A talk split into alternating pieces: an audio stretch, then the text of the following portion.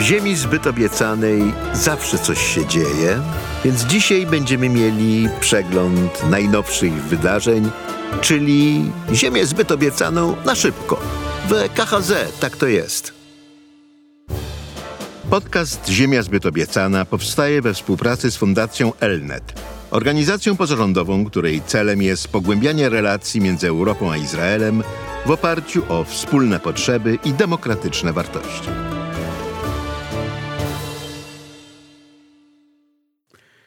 Izraelczycy obronili swoją demokrację.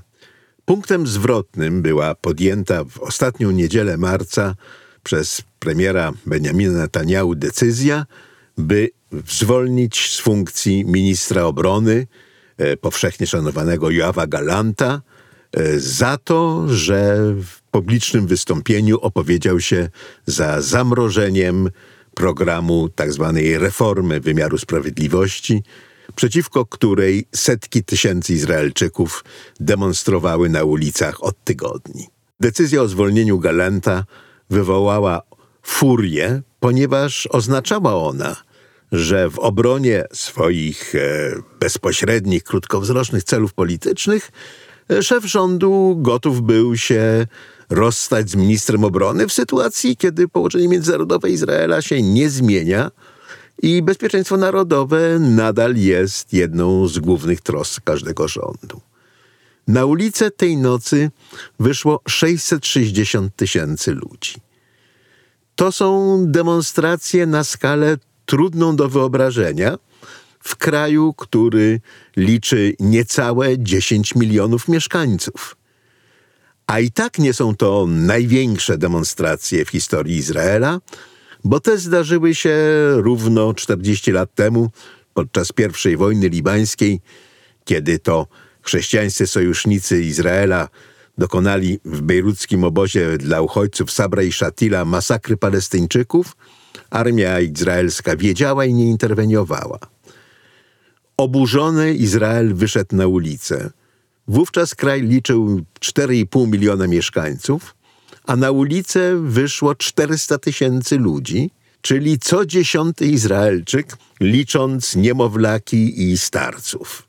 To się w ogóle nie zdarzyło w historii wojen, żeby tak ogromny protest wzbudziło w trakcie wojny. To, że nasza armia nie dość chroni cywilów przeciwnika. Jako, że Izrael jest prawie 10-milionowy dzisiaj, a na ulicę wyszło, że tak powiem, tylko 660 tysięcy ludzi, to jeszcze nie został przebity ten górny pułap liczebności demonstracji w proporcji do górnej liczby ludności, ale tak czy inaczej, no, trudno sobie wyobrazić rząd, który kontynuuje swą politykę, jeżeli przeciwko niej demonstruje na ulicach tak ogromna ciżba. I Netanyahu musiał ustąpić. Następnego dnia ogłosił zamrożenie na miesiąc e, programu zmian w wymiarze sprawiedliwości, czyli zrobił dokładnie to samo, za co zaledwie 24 godziny wcześniej zwolnił z funkcji ministra obrony. To jest nie tylko e, klęska politycznego programu Netanyahu, to jest jego osobista klęska, ponieważ pokazał się jako polityk niekonsekwentny, chwiejny, słaby, czyli w sposób absolutnie sprzeczny ze swoją legendą. Netanyahu, trochę tak jak Kaczyński w Polsce, cieszył się w Izraelu reputacją wybitnego stratega, który przewiduje rozgrywkę na ileś tam ruchów naprzód, a nikt inny mu w tym dorównać nie może. A wyszedł na słonia w składzie porcelany, który rozpaczliwie szuka wyjścia. Mało tego, e, to, co zaproponował Netanyahu, to zawieszenie e, programu reform na miesiąc, to było zasadniczo to, co zaproponował 10 dni wcześniej prezydent Herzog, a co Netanyahu wówczas ze wzgardą odrzucił. Członkowie jego rządu mówili o tym, że propozycja prezydenta obraża inteligencję izraelskiego społeczeństwa, no bo przecież suweren się wypowiedział, wybrał nas, więc my będziemy robili to, co chcemy. No, to jest klęska. Klęska premiera, klęska tego programu, e, ogromny sukces izraelskiej demokracji. Tyle tylko, że to nie oznacza, że konflikt się zakończył. Netanyahu zapowiedział, że zawiesza tylko program, przecież nie wycofuje się z niego czy nie rezygnuje zeń, i że na następnej sesji Knesetu 1 maja e, do sprawy się wróci, a jego minister sprawiedliwości e, i główny, główna szara eminencja w forsowaniu tego programu, Yariv Levin, E, publicznie oświadczał, że nic się nie zmieniło. Po prostu 1 maja wracamy do uchwalania owych legislacyjnych zmian. Jeżeli tak, to trudno zrozumieć, o czym rozmawiają z Netanyahu przywódcy opozycji, Benny Gantz i Yair Lapid, e, z którymi Netanyahu się spotkał na pierwszych wstępnych rozmowach o rozmowach do czego też namawiał prezydent Herzog e, zaledwie 10 dni temu. No, jeżeli chodzi tylko o to, że wstrzymujemy się na miesiąc, no to rzecz jasna nie ma w ogóle o czym rozmawiać. W obozie opozycji już się rysują pierwsze pęknięcia. Benny Gantz, który był wicepremierem w jednym z poprzednich koalicyjnych rządów Netanyahu i którego Netanyahu wyrolował, bo E, w momencie, kiedy mieli się zamienić funkcjami, tak wyglądała umowa koalicyjna, najpierw Netanyahu będzie premierem, potem Gantz, to Netanyahu doprowadził do nieuchwalenia budżetu i w związku z tym rozwiązania Knesetu i nowych wyborów. Wszystko po to, żeby nie oddawać fotela premiera. I Gantz wtedy mówił o tym, że został oszukany, wyrolowany i tak dalej, ale teraz znowu mówi, że trzeba zaufać dobrej woli premiera i trzeba szukać kompromisu. Jair Lewin E, premier poprzedniego rządu, tego, którego kadencja się skończyła z listopadowymi wyborami, mówi inaczej. Mówi, że nie ufa Netanyahu i trzeba uchwalić konstytucję. I na zdrowy rozum, istotnie, no, trzeba uchwalić konstytucję. Jeżeli e, do tej pory system izraelski opierał się na konsensie, którego już dzisiaj nie ma, no to zastępuje konstytucja, czyli ustawa regulująca inne ustawy, a przede wszystkim regulująca ustrój państwa.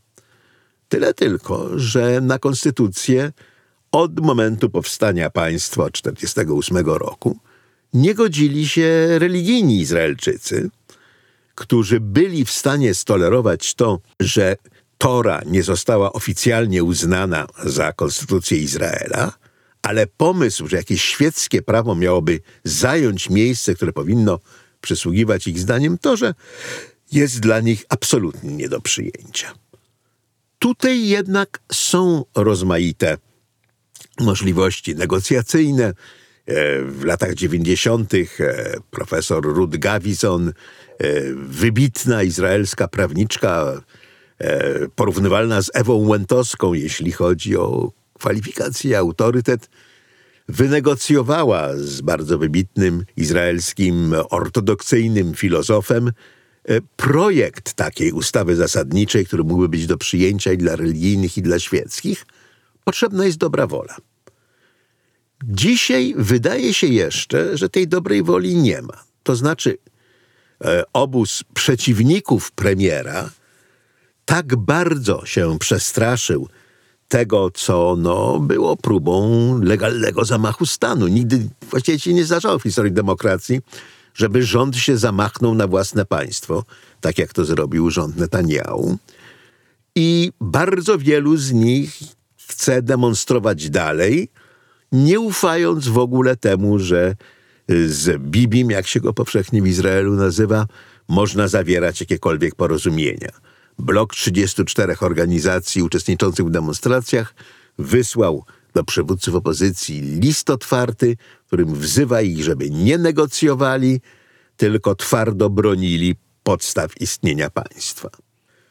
Także opozycja tutaj jest e, niejednolita i nie ma wspólnego programu, mimo że głosy o konieczności uchwalenia konstytucji pojawiają się coraz częściej, no bo też są zdroworozsądkowe.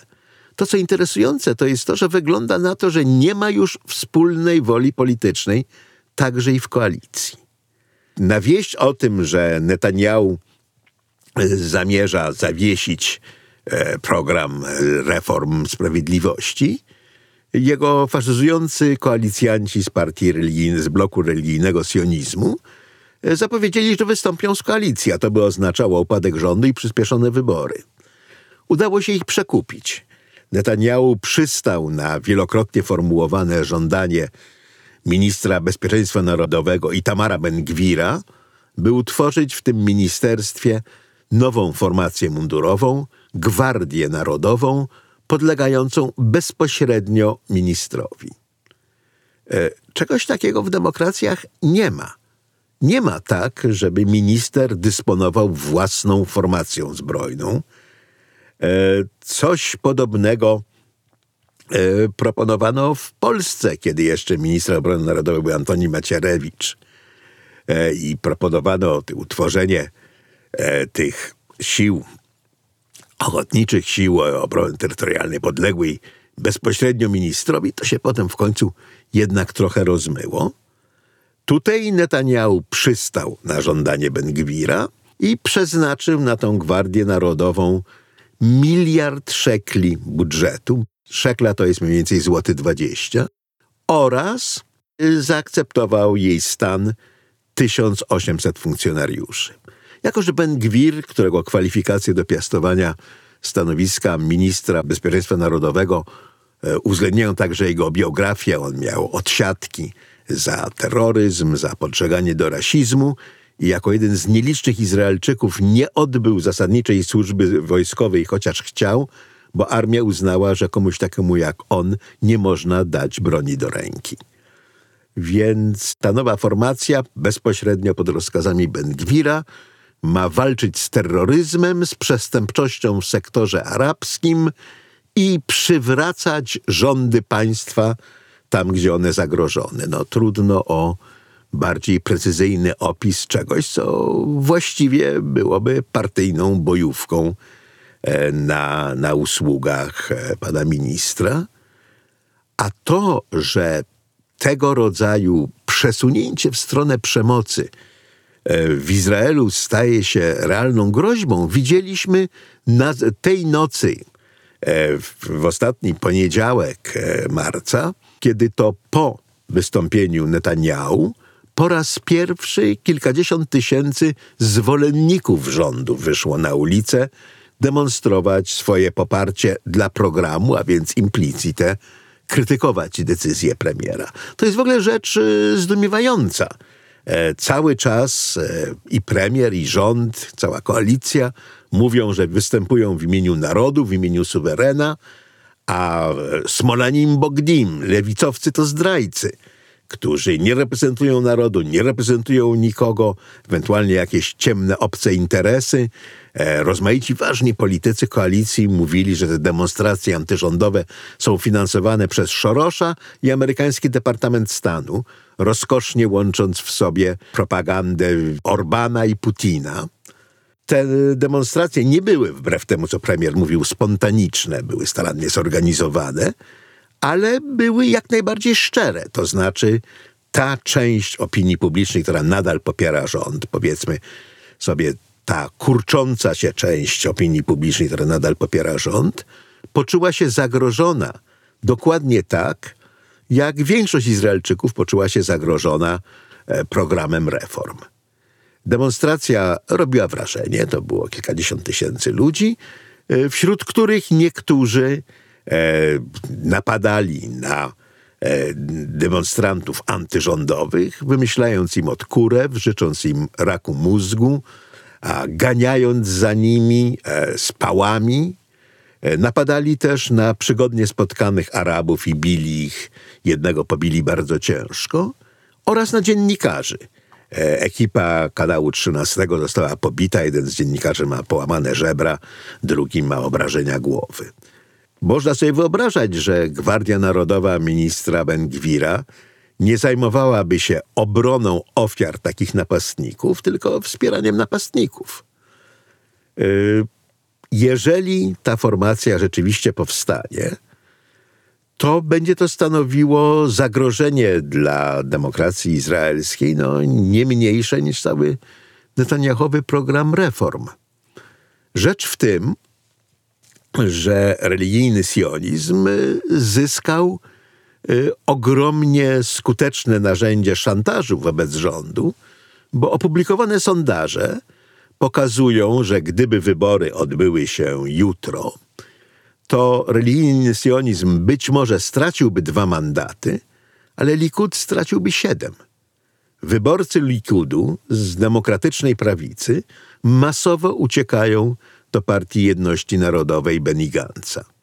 Innymi słowy, jeżeli by doszło do nowych wyborów, e, obecna koalicja nie miałaby już większości, natomiast wygodną większość miałaby koalicja Likudu, Jedności Narodowej Benny Gantza i Jest Przyszłość Jaira Lapida – koalicja, w której Likud byłby nadal najsilniejszą partią, ale e, mającą wszystkiego dwa czy trzy mandaty w Knesecie więcej niż partia Benny.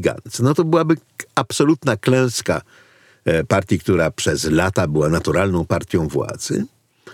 I dlatego z jednej strony można się spodziewać eskalacji żądań ze strony religijnego sionizmu i ich weta wobec jakiegokolwiek projektu odstąpienia od reformy sprawiedliwości, a z drugiej strony narasta bunt w samym Likudzie. Jest rzeczą jasną, że katastrofalny spadek popularności y, wynika właśnie z programu reformy sprawiedliwości, y, którą premier zaczął realizować w obronie swoich własnych interesów. Przypominam, że on nadal jest podsądnym, nadal się toczą przeciwko niemu sprawy w sądzie o korupcję, e, nadużycie zaufania, nadużycie władzy. E, I tylko ubezwłasnowolnienie wymiaru sprawiedliwości mogłoby go uratować przed wyrokiem skazującym. No taka jest jego podstawowa motywacja w tej sprawie. Natomiast gdyby Likud znalazł sobie innego lidera, no to odzyskałby utraconą zdolność koalicyjną, którą w tej chwili posiada wyłącznie z partiami na prawo od niego i mógłby próbować odbudować swoją pozycję naturalnej partii władzy. Do tej pory Netanyahu udawało się e, tłumić wszelkie próby rebelii w Likudzie przeciwko kontynuowaniu przezeń funkcji prezesa – ale być może nadszedł ten moment, którym te jego działania przestaną być skuteczne. E, tak jak jego rozpaczliwe zwroty polityczne w ciągu ostatnich kilku dni udowodniły, że nie jest tak wybitnym strategiem, za jakiego go uważano, może się też okazać, że jego wewnątrzpartyjne intrygi e, służące do eliminacji opozycji w partii także skutecznymi być przestają. Kłopot w tym, że najbardziej prawdopodobnym następcą Netanyahu, po tym jak wyeliminował on nie tylko jako konkurentów do stanowiska premiera, ale wręcz jako e, przywódców frakcji w partii i członków partii, rozmaitych polityków, którzy mogliby go zastąpić, e, schedę po nim najprawdopodobniej by objął właśnie Jair Lewin, który jest e, no, tym samym, co, co Netanyahu, tylko że w gorszym, bo uczciwszym wydaniu. Jair Lewin e, rzeczywiście uważa, że ze względów ustrojowych należy zakneblować i ubezwłasnowolnić Sąd Najwyższy, chociaż jemu samemu żadna sprawa sądowa nie grozi. Tak więc będzie tutaj działał z ideologiczną determinacją, no i Likud pod władzą Lewina nie miałby żadnej nowej zdolności koalicyjnej. Doszło w, w rozwoju sytuacji do, do spraw tak groteskowych, jak to, że partie religijne, które zasłynęły z tego, że bezlitośnie doją kasę publiczną, e, wezwały premiera, żeby w geście dobrej woli zrezygnował z ustawy legalizującej łapówki. E, o co chodzi? No, premier ma duże koszta sądowe, więc zwrócił się do znajomych i krewnych o wsparcie finansowe. I krewny ze Stanów Zjednoczonych e, podarował mu 300 tysięcy dolarów na koszta sądowe, e, ale sąd uznał, że urzędnik publiczny nie może przyjmować prezentów w takiej wysokości i nakazał Netanyahu zwrot tych 300 tysięcy. Netanyahu na razie zwrócił 30 tysięcy, a o pozostałe 270 tysięcy gotów jest walczyć jako niepodległość. E, ustawa ta miała legalizować prawo urzędników publicznych do przyjmowania prezentów.